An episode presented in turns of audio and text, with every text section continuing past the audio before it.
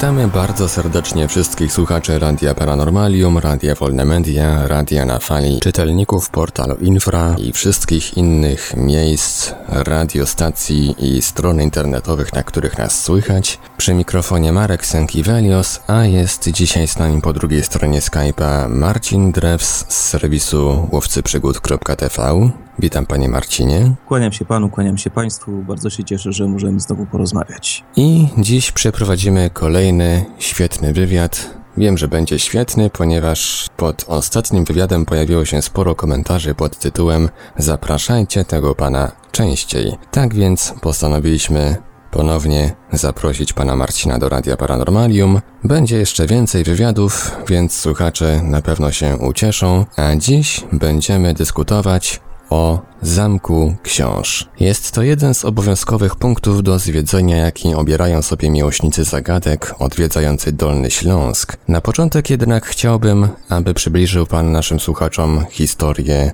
Zamku Książ. Zanim do tego przejdę, drobna dygresja, bo zaskoczył mnie pan e, szalenie tymi komentarzami. Ja przyznam e, szczerze, nie czytałem tych komentarzy, odwiedzam państwa stronę, natomiast ściągnąłem wywiad e, na pulpit i przesłuchałem go e, w wersji offline, także, także nie przeglądałem komentarzy, ale zawsze e, z humorem podchodzę i odpowiadam, że jeśli są pozytywne komentarze, to prawdopodobnie napisałem je sam.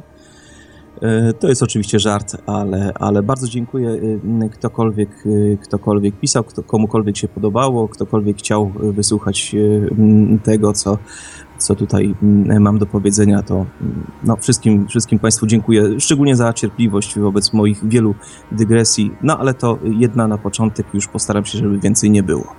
Wracając do, y, do pytania, do, y, do historii y, Zamku Książ, mm, doprawdy jest to miejsce niezwykłe, Pierwsze wzmianki pochodzą ze średniowiecza, jeszcze z XIII wieku i pada w nich e, właśnie niemiecka nazwa książ książa, czyli Fürsterstein. E, warto zapamiętać tę nazwę, dlatego że ona pojawia się w wielu niemieckich nazistowskich dokumentach i e, warto wiedzieć, że Fürsterstein to jest właśnie książ. Zamek, którego pierwotnego kształtu oczywiście dzisiaj nie znamy, wybudowany został na takim wysokim, malowniczym cyplu skalnym w zakolu rzeki Pełcznicy. Y, przepiękne miejsce, warto je odwiedzić. Mm, parę lat temu oprowadzałem tam mm, przyjaciół fotografików z Holandii, byli urzeczeni tym miejscem, pytali się, czy to jest jakiś specjalny rezerwat, bo w życiu tak pięknego miejsca nie widzieli. Mm, ale y, wracając do zamku.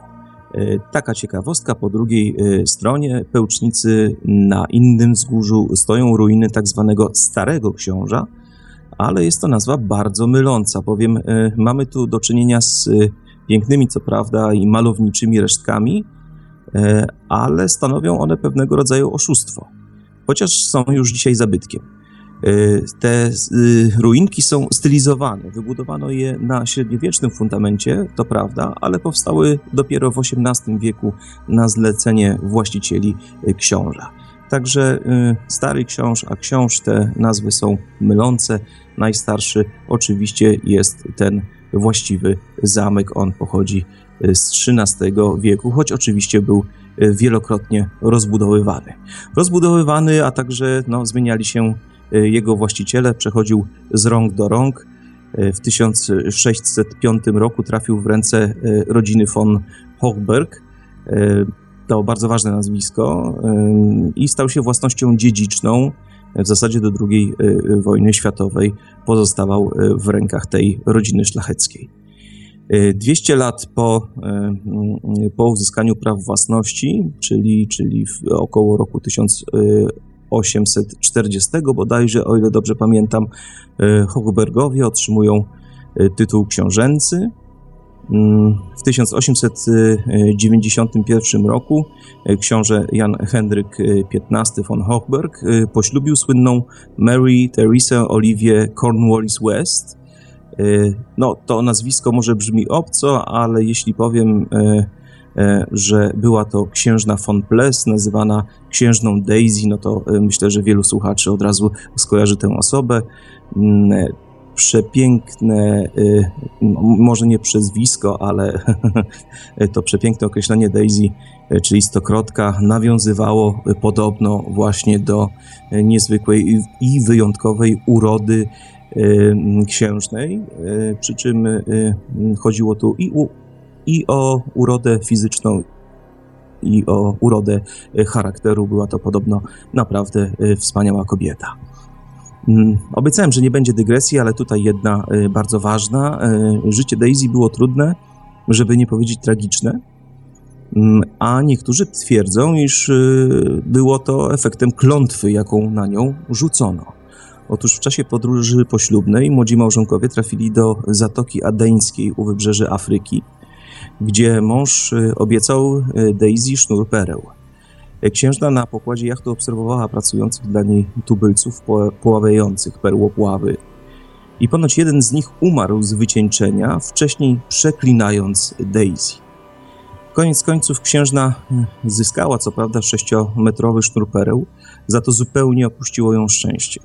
Mąż ją zdradził, została oskarżona o szpiegostwo, zdrowie odebrała jej poważna choroba, bo hmm, zapadła prawdopodobnie na stwardnienie rozsiane. Jej młodszy brat zginął tragicznie, no a sama księżna została koniec końców wyrzucona z zamku przez nazistów. Podobno pochowano ją wraz z tym e, sześciometrowym sznurem pereł, e, którego jednak do dziś nie odnaleziono i który jest do dziś poszukiwany. E, wracając jednak już do samego zamku, książę Jan Henryk XV w 1907 roku rozpoczął ostatnią przebudowę zamku, a raczej w pewnym sensie przedostatnią, bowiem ostatniej dokonali już naziści. W 1940 lub 1941 roku, bo tu źródła się różnią, e, zamek został skonfiskowany przez reżim III Rzeszy, e, a w 1943 roku do książa wkroczyła słynna organizacja TOD, niszcząc zabytkowe wnętrza, a pod zamkiem kopiąc tajemnicze tunele. Dziś książ to jeden z większych zamków Europy i trzeci największy w Polsce. Niezależnie od tego, e, czy mm, jesteśmy zwolennikami teorii e, mówiących o tajemniczych badaniach e, w podziemiach książa, czy też postrzegamy ten zamek jedynie jako, jako, jako zabytek, warto to miejsce odwiedzić. No, będzie to na, na pewno mm, niezapomniana wizyta. Szczerze polecam. No właśnie, głównym Tematem dzisiejszej audycji będą te tunele pod zamkiem książ. Co wiadomo na ich temat? Czy wiadomo coś o pierwotnym przeznaczeniu tych tuneli? Czy zachowały się jakieś dokumenty na ich temat? Przez lata pojawiło się sporo różnych, niekiedy zaskakujących wyjaśnień, mówiących na przykład o domniemanych eksperymentach naukowych. W sumie powstały, a przynajmniej wiemy y, o tym, y, że powstały y, przynajmniej dwa poziomy wyrobisk – 15 i 55 metrów poniżej poziomu dziedzińca. Ich długość szacuje się na ponad 1000 metrów, a powierzchnię na około 4000 metrów kwadratowych. Oczywiście wciąż mówię o tych wyrobiskach, które udało nam się poznać, y, bowiem wiele mm, doniesień mówi jeszcze o tym, że były tam sale, których do dziś nie odkryto. Do drążenia tuneli zatrudniono włoskich minerów i 400 ukraińskich górników. Natomiast pobliska filia obozu koncentracyjnego Grossrosen dostarczała tanią, w zasadzie bezpłatną siłę roboczą. W sumie mówi się dziś o aż trzech tysiącach więźniów, którzy przymusowo pracowali w podziemiach książa. Dzisiaj drugi y, poziom y, podziemi jest zamknięty, bowiem Polska Akademia Nauk prowadzi tam stację sejsmograficzną.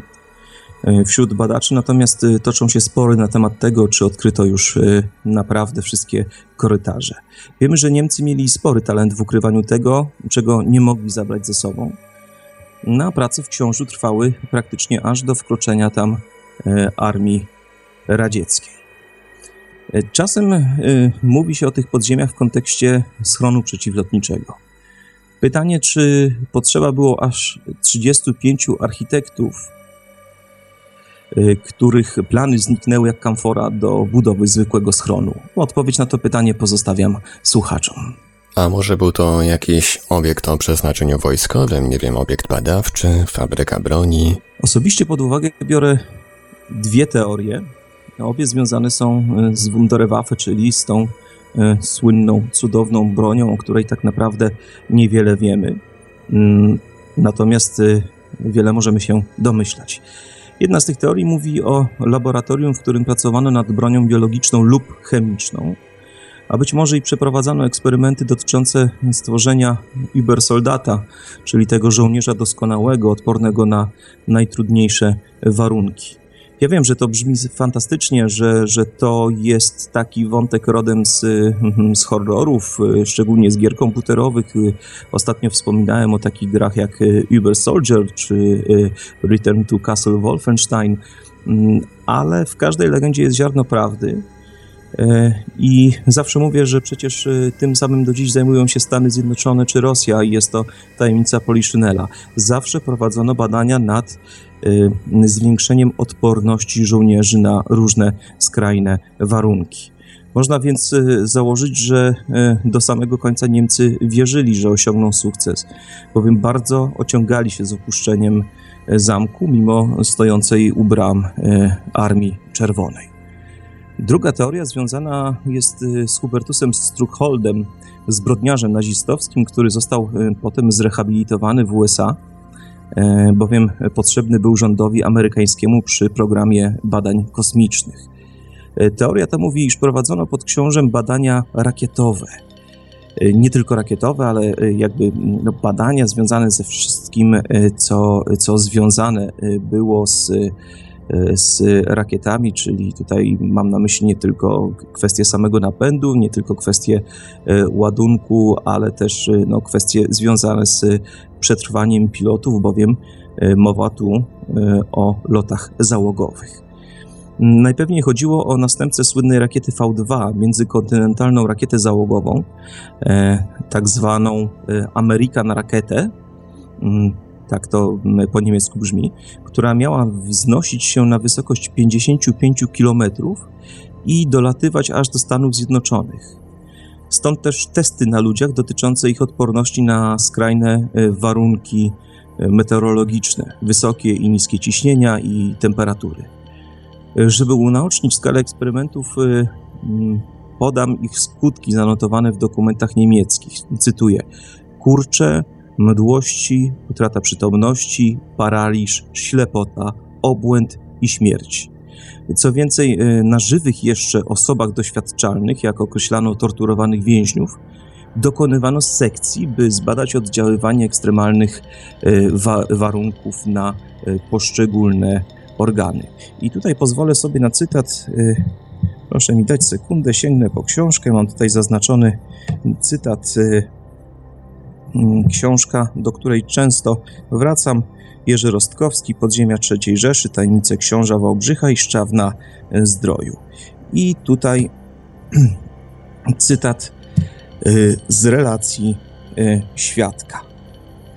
Doktor Rasher obstawał przy tym, byśmy wykonywali sekcję świeżych, jeszcze ciepłych zwłok, czasem jeszcze oddychających ludzi. Rasherowi zależało na tym, żeby jak największa część organów pracowała jeszcze na stole sekcyjnym.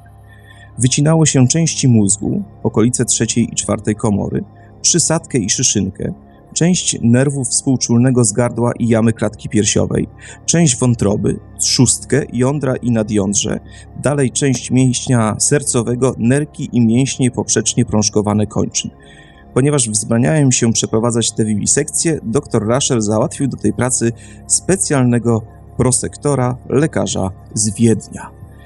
Y, no brzmi to strasznie, natomiast y, no to dość mocny dowód na to, że, że badano te skrajne warunki chciano jak najwięcej wiedzieć o wpływie ich na fizjologię człowieka. Mm, tutaj y, wrócę do tych skutków, mm, jakie odnosiły te skrajne skrajne warunki.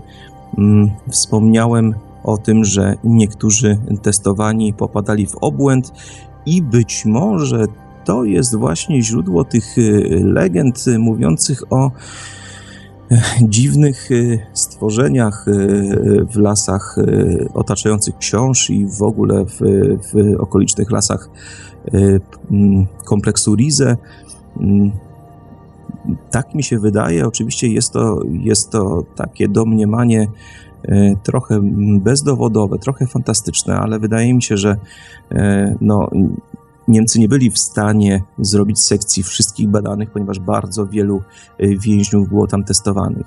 Więc być może te osoby, które popadły w obłęd już nie były wiarygodnym, wiarygodnym źródłem informacji, być może były wypuszczane, a ponieważ byli to więźniowie z zupełnie innych części kraju, e, no, błąkali się potem po lasach, e, uchodząc za, za dziwne kreatury. E, wiemy, że w średniowieczu osoby dotknięte obłędem bardzo często były wyrzucane z domów i błąkały się po lasach i stąd wszystkie takie legendy o wilkołakach, o czarownicach, o, o, o innych dziwnych, magicznych stworzeniach. Więc być może ci, ci więźniowie dotknięci obłędem byli po prostu wyrzucani z zamku, z podziemi zamku jako, jako osoby już Y, nieprzydatne do dalszych testów. No ale właśnie, dlaczego wszystko to miało się dziać w książu? Otóż y, y, to szalenie ważna informacja. W 1944 roku alianci zbombardowali niemiecki ośrodek badań nad nowymi broniami III Rzeszy, znajdujący się na wyspie Uznam, oraz Instytut Badawczy Medycyny Lotniczej w Berlinie. Placówki te więc trzeba było gdzieś przenieść, a najbardziej bezpiecznym miejscem okazał się właśnie Dolny Śląsk. Miejsce wręcz wymarzone, bowiem można było w górach porośniętych gęstymi lasami drążyć tunele niemożliwe do zlokalizowania przez lotnictwo wroga. Oczywiście nie można też zapominać o pracach y, nazistów nad y, bombą atomową, jeśli mówimy tutaj o teoriach. Tę teorię łączę jednak z pracami Struckholda, bowiem American Rakietę mm, byłaby doskonałym nośnikiem pocisków nuklearnych. Z taką bronią Hitler rządziłby światem. No, wyobraźmy sobie atak atomowy na Nowy Jork. No to byłby ostateczny cios zadany Amerykanom który mógłby przeważyć e, e, szale wojny e, właśnie na stronę nazistów. Mówi się też, że korytarze miały posłużyć za schronienie na wypadek przegranej III Rzeszy w II wojnie światowej. W końcu budowę, jak twierdzi część źródeł, rozpoczęto pod koniec wojny. Do dziś krążą legendy mówiące o strażnikach, którzy wciąż mają pilnować korytarzy. Jak już y, y, wspomniałem w ostatnim wywiadzie, y, cytując Jerzego Rostkowskiego, strażnicy byli, są i będą. Natomiast pytanie, czy pilnują oni także i książa? No bardzo możliwe. Na pewno związani są z obiektami Rize, a książ jest do nich bardzo często zaliczany. Co do schronienia, mm, ta teoria jest zbyt banalna i zbyt wiele jest poszlak mówiących o tym, że pod zamkiem E, wiele się działo i to znacznie więcej, e, żeby jego podziemia potraktować e, tylko i wyłącznie jako schronienie, jako, jako bunkier. Są też jednak źródła, które podają, że budowę podziemnych korytarzy rozpoczęto już na długo przed II wojną światową. Skąd się bierze ta rozbieżność? No właśnie, to jest dość dziwne doniesienie. Nie wiem, nie wiem skąd pochodzi ta teoria. Mm, tu się uśmiecham z lekkim przekąsem, bo dla mnie to trochę taki przykład bajdurzenia w stylu Onetu. I nawet nie będę przepraszał, bowiem, bowiem no, zbieram e, regularnie dowody jako, jako taki antypasjonat tego, e, tego portalu e, na to, że, że czego nie da się opisać, to się tam po prostu wymyśla. Tak, no to jest akurat taka teoria, która stała się popularna na pewnych forach o tematyce paranormalnej. Y, musimy pamiętać, że mm, tunele bezsprzecznie zaczęli budować naziści, a ci z kolei wkroczyli na zamek y, dopiero w 1940 lub 1941 roku. Natomiast organizacja TOD, która zajmowała się budową obiektów wojskowych, zaczęła w Książu działać dopiero w 1943 roku. Więc no, były to jak najbardziej czasy II wojny y, światowej. Kopanie takich tuneli y, wymagało ogromnego nakładu pracy i bez tysięcy robotników przymusowych nikt nie byłby w stanie y, takiego przedsięwzięcia rozpocząć.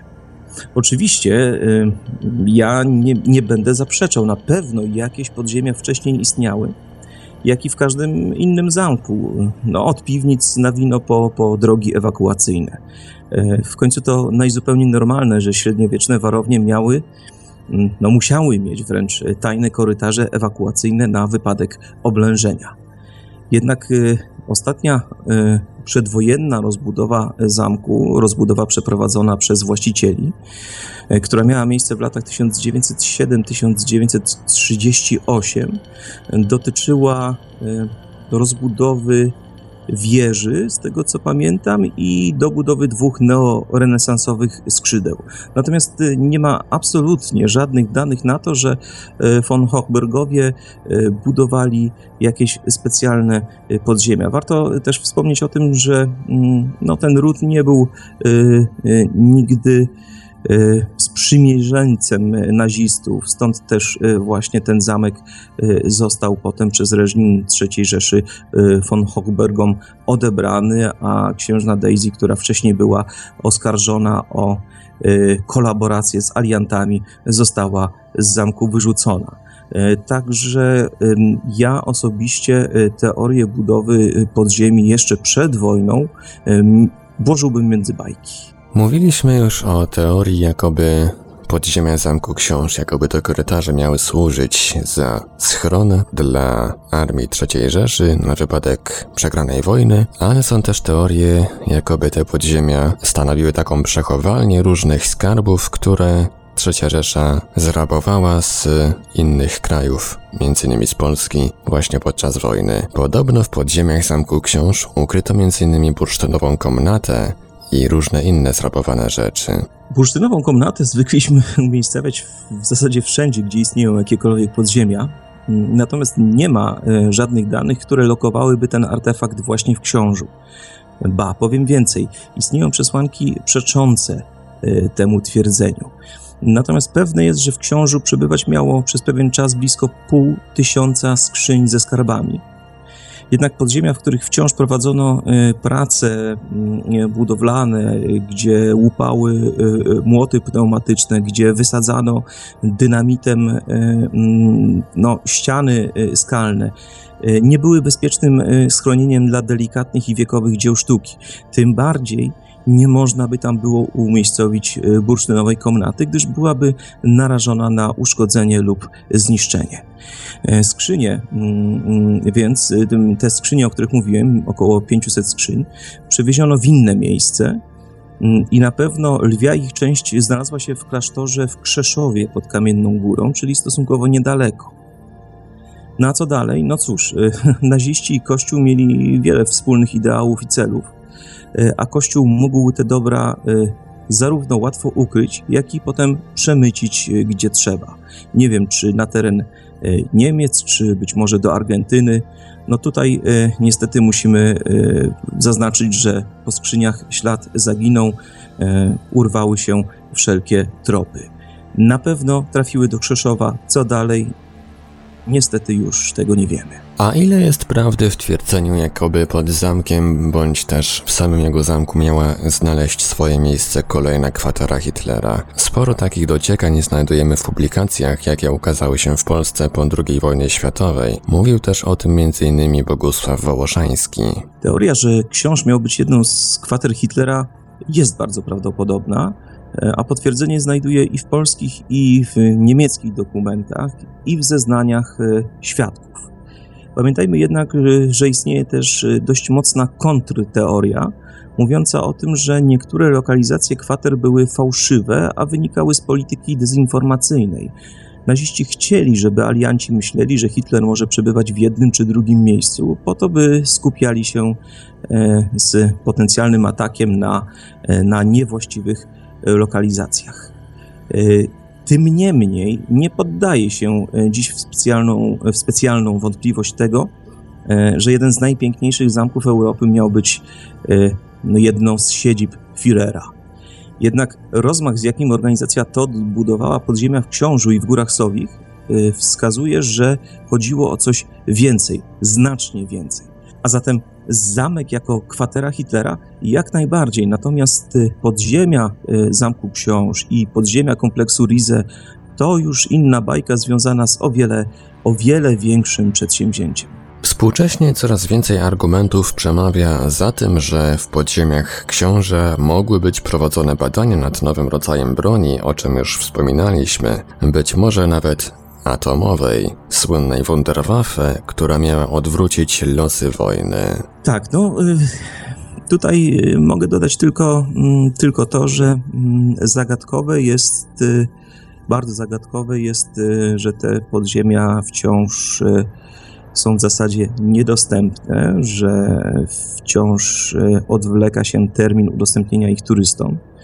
Być może znajdują się tam śladowe mm, ilości promieniowania, które można byłoby wykryć e, nawet nieprofesjonalnymi e, licznikami Geigera. Dzisiaj e, można nawet w chińskich sklepach internetowych kupić za stosunkowo niewielkie pieniądze mm, takie liczniki, mm, takie mierniki promieniowania, więc być może byłby to dowód na to, że, że zarówno prace Struckholda nad, nad zwiększeniem odporności pilotów rakiet, jak i próby montowania e, ładunków nuklearnych do tych rakiet faktycznie e, w podziemiach książa miały miejsce. To jest dość mocna teoria i e, jeśli przyjrzymy się jej bliżej, nie ma w, nim, nie ma w niej absolutnie nic fantastycznego. Wiemy doskonale, że E, naziści byli dosłownie o krok od skonstruowania bomby atomowej, e, przy czym e, prawdopodobnie byliby w stanie wysłać ją no, takim pociskiem sterowanym przez pilota samobójcę, bowiem te rakiety międzykontynentalne miały być właśnie przez takich niemieckich niemieckich y, kamikadze pilotowane. Jednym z przyczynków do powstania teorii o budowie nowej, nowej, broni w podziemiach Zamku Książ były częste wizyty w tym miejscu dwóch ważnych osobistości życia politycznego i naukowego III Rzeszy, Wernera von Brauna oraz Alberta Speyera. Dlaczego ta dwójka tak bardzo interesowała się tym zamkiem? No właśnie, y, von Braun był jednym z czołowych konstruktorów rakiet, i współtwórcą pocisków V2. Do tego prawdopodobnie był e, projektantem e, kolejnej generacji rakiet, czyli tych e, międzykontynentalnych, o których już mówiłem, a które miały dotrzeć do Ameryki. Po wojnie został z kolei jednym z pionierów amerykańskiego programu kosmicznego, podobnie jak Hubertus Struckhold. Natomiast jeszcze w 1937 roku Został, i tu proszę zwrócić na to uwagę, został dyrektorem wspomnianego już wcześniej ośrodka na wyspie Uznan oraz oficerem w stopniu Sturmbannführera. Albert Speyer był z kolei e, ministrem uzbrojenia i amunicji, no co też mocno jest e, związane z przemysłem rakietowym. Jeśli dodamy do tego mm, trzecią osobę, czyli wspomnianego Hubertusa Struckholda, no to wyłania się nam tutaj bardzo logiczna teoria. I powiem jak Macierewicz, przypadek? Nie sądzę. To wszystko świadczy o tym, że książ był czymś więcej niż tylko kwaterą Hitlera. Jeśli trzy kluczowe dla programu rakietowego osoby spotkały się, czy też spotykały się w miejscu, e, a całkiem niedaleko funkcjonowała kopalnia uranu, no to naprawdę wszystko to nie może być tylko i wyłącznie przypadkiem. Podobno to, co zostawili Niemcy, to zaledwie część większej inwestycji, a dojście do kolejnych jej odcinków zostało skrupulatnie zasypane. Czy są może prowadzone jakieś badania mające na celu sprawdzenie, co się znajduje za tymi zwałowiskami? Gdzie można znaleźć jakieś dodatkowe informacje na ten temat? I to jest chyba najbardziej gorący temat y, y, w tej dyskusji. Nie wiadomo w zasadzie nic pewnego, chociaż wiele jest doniesień świadków mówiących faktycznie o tym, że Niemcy maskowali y, pewne wejścia, wyjścia, niektóre sale i chodniki. Powiem szczerze, choć być może narażę się tutaj komuś ważnemu, ale dla mnie wprowadzenie Polskiej Akademii Nauk z jej stacją sejsmograficzną to naprawdę afera grubymi, grubymi nićmi szyta. E, dzięki temu można było bowiem łatwo odciągnąć i badaczy podziemi, i poszukiwaczy tajemnic. Ta stacja rejestruje bardzo delikatne drgania, to też nie wolno przebywać w podziemiach. No ale w takim razie, czy imprezy masowe w Książu, huczne koncerty, festyny z poważnym nagłośnieniem nie są rejestrowane? Ale że oczywiście, że są. E, a że w Książu takie imprezy odbywają się niezwykle często, no to coś tutaj nie pasuje. Tym bardziej, że słyszałem, iż naukowcy ze stacji mieli narzekać na, na koncerty rockowe organizowane w Ludwikowicach Kłodzkich, a to 35 kilometrów od Książa. Zatem, e, z, zatem turyści odwiedzający podziemia mają przeszkadzać w badaniach, a w zasadzie niemalże cotygodniowe imprezy w książu w tych badaniach nie przeszkadzają, no to się tutaj nam mocno nie klei. Jak podaje y, Gazeta Wrocławska z 13 czerwca tego roku, najwcześniej, najwcześniej, to jest bardzo pozytywny scenariusz, 1 kwietnia 2016 roku podziemia mają w końcu zostać udostępnione turystom. 1 no pytanie, kwietnia. Dlaczego... Tak, tak, prima aprilis, prawda? Pytanie, dlaczego tak późno? Dlaczego w 2016 roku? Dlaczego tyle lat y, po wojnie? I tutaj pozwolę sobie na cytat właśnie z tej gazety. Od około dwóch lat prowadzimy z Polską Akademią Nauk dyskusję w sprawie udostępnienia podziemi turystom bez podważania funkcjonowania w tym miejscu części naukowo-obserwacyjnej Polskiej Akademii Nauk. Mówi Roman Szełemiej, prezydent Małbrzycha. Niestety przez długi czas był opór i brak współpracy w tej sprawie. Mimo różnych propozycji z naszej strony nie było chęci rozwiązania problemu. Proszę zwrócić uwagę, opór i brak współpracy w tej sprawie. Brak chęci rozwiązania problemu. To dość niezwykłe. No właśnie, śledząc losy współczesnych badań podziemi Zamku Książ, można odnieść wrażenie, że komuś bardzo zależy na ukryciu, zatajeniu prawdy na temat tego obiektu. I znów pojawia się pytanie, komu, po co, dlaczego? No właśnie, dla mnie y, działalność Polskiej Akademii Nauk to tylko zasłona dymna. Tak jak naziści zwlekali z opuszczeniem tych podziemi w zasadzie do ostatniego dnia, tak też y, teraz polskie władze, zasłaniając się instytucją naukową, nie chcą tych podziemi oddać. Musi tam więc być coś, czego nie udało się do końca zbadać od y, przynajmniej od 1976 roku, kiedy to Sztab Generalny Ludowego Wojska Polskiego przekazał podziemia właśnie Polskiej Akademii Nauk. No i tu chciałbym odnieść się do jeszcze jednego cytatu, co prawda nie mogę potwierdzić e, prawdziwości doniesień w nim zawartych, mm, ale mimo wszystko e, proszę, proszę posłuchać, bo to naprawdę niezwykle ciekawe. Serwis sudety.net.pl pisze o mm, książańskiej placówce sejsmograficznej. Cytuję: Cała aparatura, komputery, oprogramowanie, środki łączności warte milion dolarów została nam podarowana przez USA w początku lat 90. I dalej ten artykuł mówi o tym, że Amerykanie w zamian wymagali dość dużej dozy dyskrecji.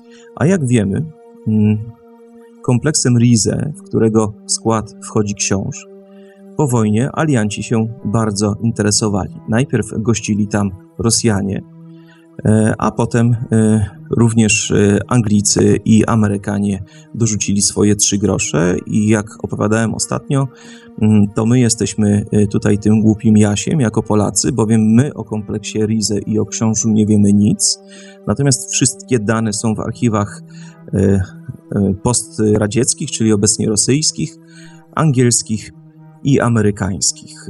Niestety raczej nie możemy liczyć na ich odtajnienie. Natomiast y, no, to doniesienie dotyczące aparatury przekazanej przez y, Amerykanów jest naprawdę niezwykle intrygujące i wskazuje na to, że, że no komuś bardzo zależało na tym, żeby ta Polska Akademia Nauk mocno się tam zaszyła, y, nie dopuszczając innych do, do podziemi. Ale właściwie co Polska Akademia Nauk tam bada? Bo to jest jakiś sprzęt do badań sejsmograficznych, z tego co pamiętam. Dokładnie tak. Bada się tam wszystkie, wszystkie wstrząsy, ruchy górotworów. Tak naprawdę na terenie całego globu są podobne stacje, które które potem porównują ze sobą wyniki. Dzięki temu jesteśmy w stanie bardzo dokładnie określić epicentra różnego rodzaju wstrząsów, czy to, czy to mm, wybuchów podwodnych wulkanów, czy, czy ruchów górotworu, czy, czy nawet takich zjawisk jak tąpnięcia i zawały w kopalniach. Na przykład E, to, co się dzieje na Górnym Śląsku czy na Dolnym Śląsku, e, w okręgu miedziowym, e, wszystkie te, mm, te wstrząsy, te tąpnięcia są bardzo wyraźnie rejestrowane. Dane z tych stacji sejsmograficznych są potem dostarczane do odpowiednich instytutów, są ze sobą korelowane i dzięki temu można, można dokładnie, można tworzyć dokładne, dokładne mapy Mm, e, wszystkich, e, wszystkich zjawisk sejsmicznych.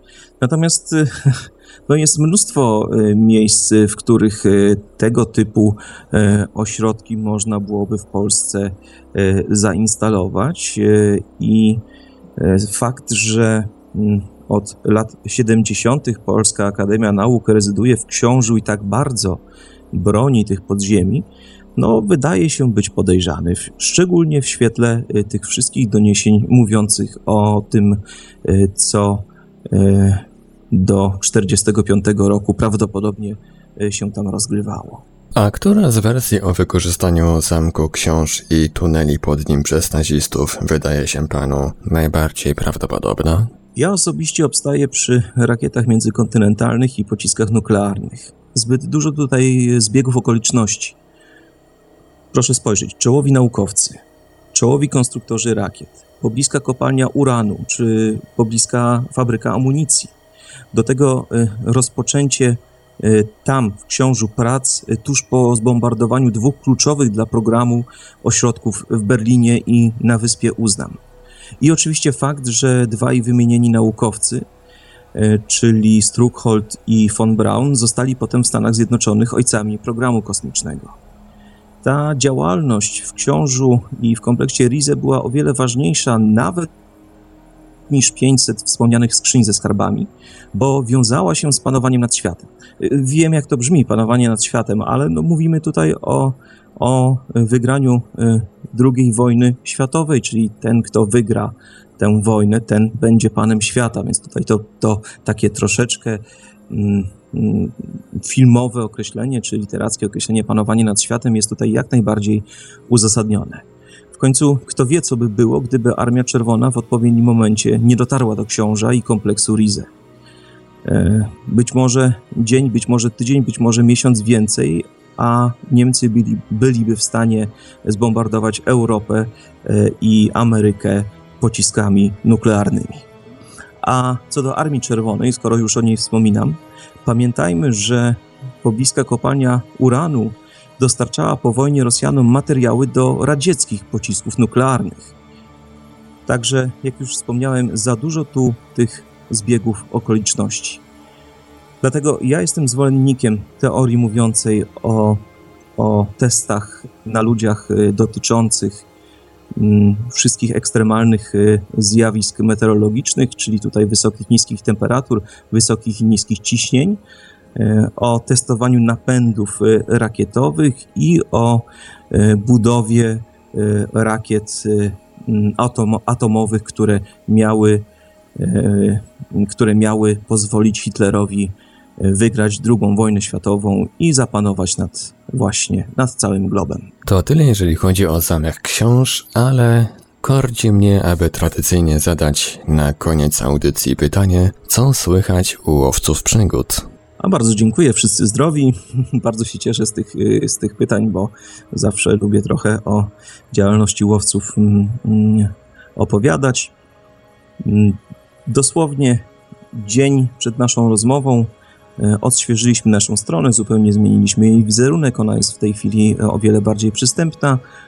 Będziemy ją te, też częściej aktualizować, bowiem do niedawna skupialiśmy się tylko i wyłącznie na informowaniu naszych widzów poprzez profil facebookowy ale dostaliśmy takie sygnały, że nie każdy, nie każdy przepada akurat za portalami społecznościowymi, natomiast e, strona www powinna być takim korem, takim, e, takim rdzeniem e, tej naszej działalności.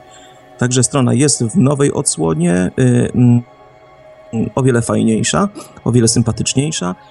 Od jutra będą się tam pojawiać bieżące newsy, będzie dużo aktualności. Uruchomiliśmy też osobny adres mailowy to jest komunikacja małp, małpa łowcyprzygód.tv. E, to jest e, adres mailowy dla wszystkich, którzy chcą się z nami podzielić e, historiami, którzy chcą nas poprosić o to, byśmy, byśmy podjęli dany temat. Wcześniej takich doniesień, takich próśb dostawaliśmy bardzo wiele poprzez Facebooka, ale niektóre osoby sygnalizowały nam, że wolałyby właśnie komunikować się z nami via e-mail. Także ten adres komunikacja małpa lowcyprzygod.tv udostępniamy wszystkim, e, także i wszystkim słuchaczom, którzy w tej chwili są z nami. Piszcie do nas Państwo, dzielcie się swoimi historiami i mówcie, co mamy dla Was kręcić, co mamy, co mamy dla Was robić. Jesteśmy też po dwóch odcinkach e, nowego cyklu pod tytułem Akta X. E, to taki cykl, który no, jest specjalnie przygotowany z dedykacją dla słuchaczy, bowiem tutaj sięgamy trochę mniej po historie i zabytki, a bardziej po, po różne dziwne zjawiska, po różne ciekawe, mm, mroczne, paranormalne historie. Dwa pierwsze odcinki są już dostępne na naszym profilu YouTube. To mm, odcinek o obłokach srebrzystych i tutaj e, wszystkim, którzy e, czytają Lucjana Znicza, mm, a wiem, że, e, że książki są tutaj często cytowane. W Radiu Paranormalium też się czyta książkę o Trójkącie Bermudzkim. I właśnie z tej książki, dokładnie tak, właśnie na końcu tej książki jest rozdział Obce Ślady. Książka, mm, zdaje się, została wydana w 1989 roku. Nie mam jej w tej chwili pod ręką, ale stoi na półce i dosłownie no, patrzę na nią tutaj kątem oka. W tym, w tym rozdziale Obce Ślady e, pierwsze doniesienie tyczy się właśnie obłoków srebrzystych. E, w tamtych czasach e, była to jeszcze wielka tajemnica, na której skupił się Lucjan Znicz. Dzisiaj znamy już odpowiedź i dlatego wszystkich zachęcam do obejrzenia odcinka o obłokach srebrzystych. Kolejny odcinek to z kolei E, historia radiostacji numerycznych. E, tutaj też słuchacze Paranormalium e, dobrze znają ten temat. Trochę opowiadamy o tym, gdzie można tych radiostacji słuchać poprzez internet, a gdzie w zwykłym odbiorniku radiowym. Także też zachęcam do, do obejrzenia i przede wszystkim zachęcam właśnie do tego, żebyście Państwo współtworzyli z nami ten cykl, dlatego że każdy ciekawy temat no, nie pozostanie bez odpowiedzi. I tu znów wrócę do Znicza mm, w tymże rozdziale Obce Ślady e, w książce e, o Trójkącie Bermudzkim. E, jest bardzo ciekawa historia ze Śląska. Badałem ją na razie pobieżnie, ale wygląda to na, na kolejny temat dla łowców przygód. Otóż proszę, proszę sobie wyobrazić, że mniej więcej 90 kilometrów, może nawet mniej, w każdym razie niedaleko Wrocławia, w okolicach Nysy, w okolicach tych y, y, słynnych zbiorników wodnych, y, które są największymi kąpieliskami na Śląsku, e, w latach 70. Doszło do, doszło do przedziwnego zjawiska atmosferycznego. Otóż przy, na totalnie bezchmurnym niebie e, pojawił się ogromny obiekt, ogromna czarna chmura, e, z której spadła taka masa deszczu, że zmyło jedną wieś z powierzchni ziemi. Dosłownie. Wieś e, nazywa się Szybowice. E, I pisze właśnie o tym Lucjan Znicza, potwierdzają to doniesienia e, zawarte na stronach gminy, do której należy, należy ta wieś. Tam jest cytat z cytat z, ze słów miejscowego księdza, który który powiedział, że było to, był to lokalny Armagedon, był, był to lokalny koniec świata. I to dość dziwne, dlatego że podobno żadna stacja meteorologiczna nie zarejestrowała tego zdarzenia, a to no, dość niezwykłe. Oczywiście, jako meteorolog amator, ja wiem, jak bardzo mm, aktywny może być jeden duży, rozbudowany cumulonimbus, czyli chmura kłębiasto-burzowa, jak wielkie opady może dać, ale są to opady chwilowe e, i rzadko kończą się potopem, a tutaj mieliśmy do czynienia z lokalnym potopem. Także wygląda to na kolejny temat dla łowców przygód, na kolejny temat, który warto zbadać, e, poszerzając spuściznę Lucjana Znicza, który no, zawsze był e, dla mnie idolem, e, przez długie lata był autorytetem i uważam go za najcenniejsze źródło informacji e, o wszelkich zjawiskach nienaturalnych na Ziemi. Mam wszystkie jego książki, czytam je ponownie, także, także no, tutaj Lucjan Znicz jest mi bardzo bliski i zamierzam podążać tropami, które, które on wytyczył. I pozostaje tylko mieć nadzieję, że wszyscy polscy publicyści zajmujący się tematyką paranormalną będą brali przykład z Lucjana Znicza właśnie, a nie z niektórych, nazwijmy to w cudzysłowie badaczy, którzy żerują na sensacjach typu Miskolot ze Stanów. Naszym gościem dzisiaj był Marcin Drebs z serwisu łowcyprzygód.tv. Bardzo dziękuję, dziękuję panu za rozmowę i mam nadzieję, że Polska Akademia Nauk y, nie będzie ingerować w nasze przyszłe rozmowy. Mamy jeszcze pomysły na kilka wywiadów, tak więc Pana Marcina jeszcze nie raz usłyszymy na antenie Radia Paranormalium, a na razie dziękujemy za uwagę. Mówił do Państwa Marek Sękiewelios, Radio Paranormalium, paranormalny głos w Twoim domu. Do usłyszenia ponownie już niedługo.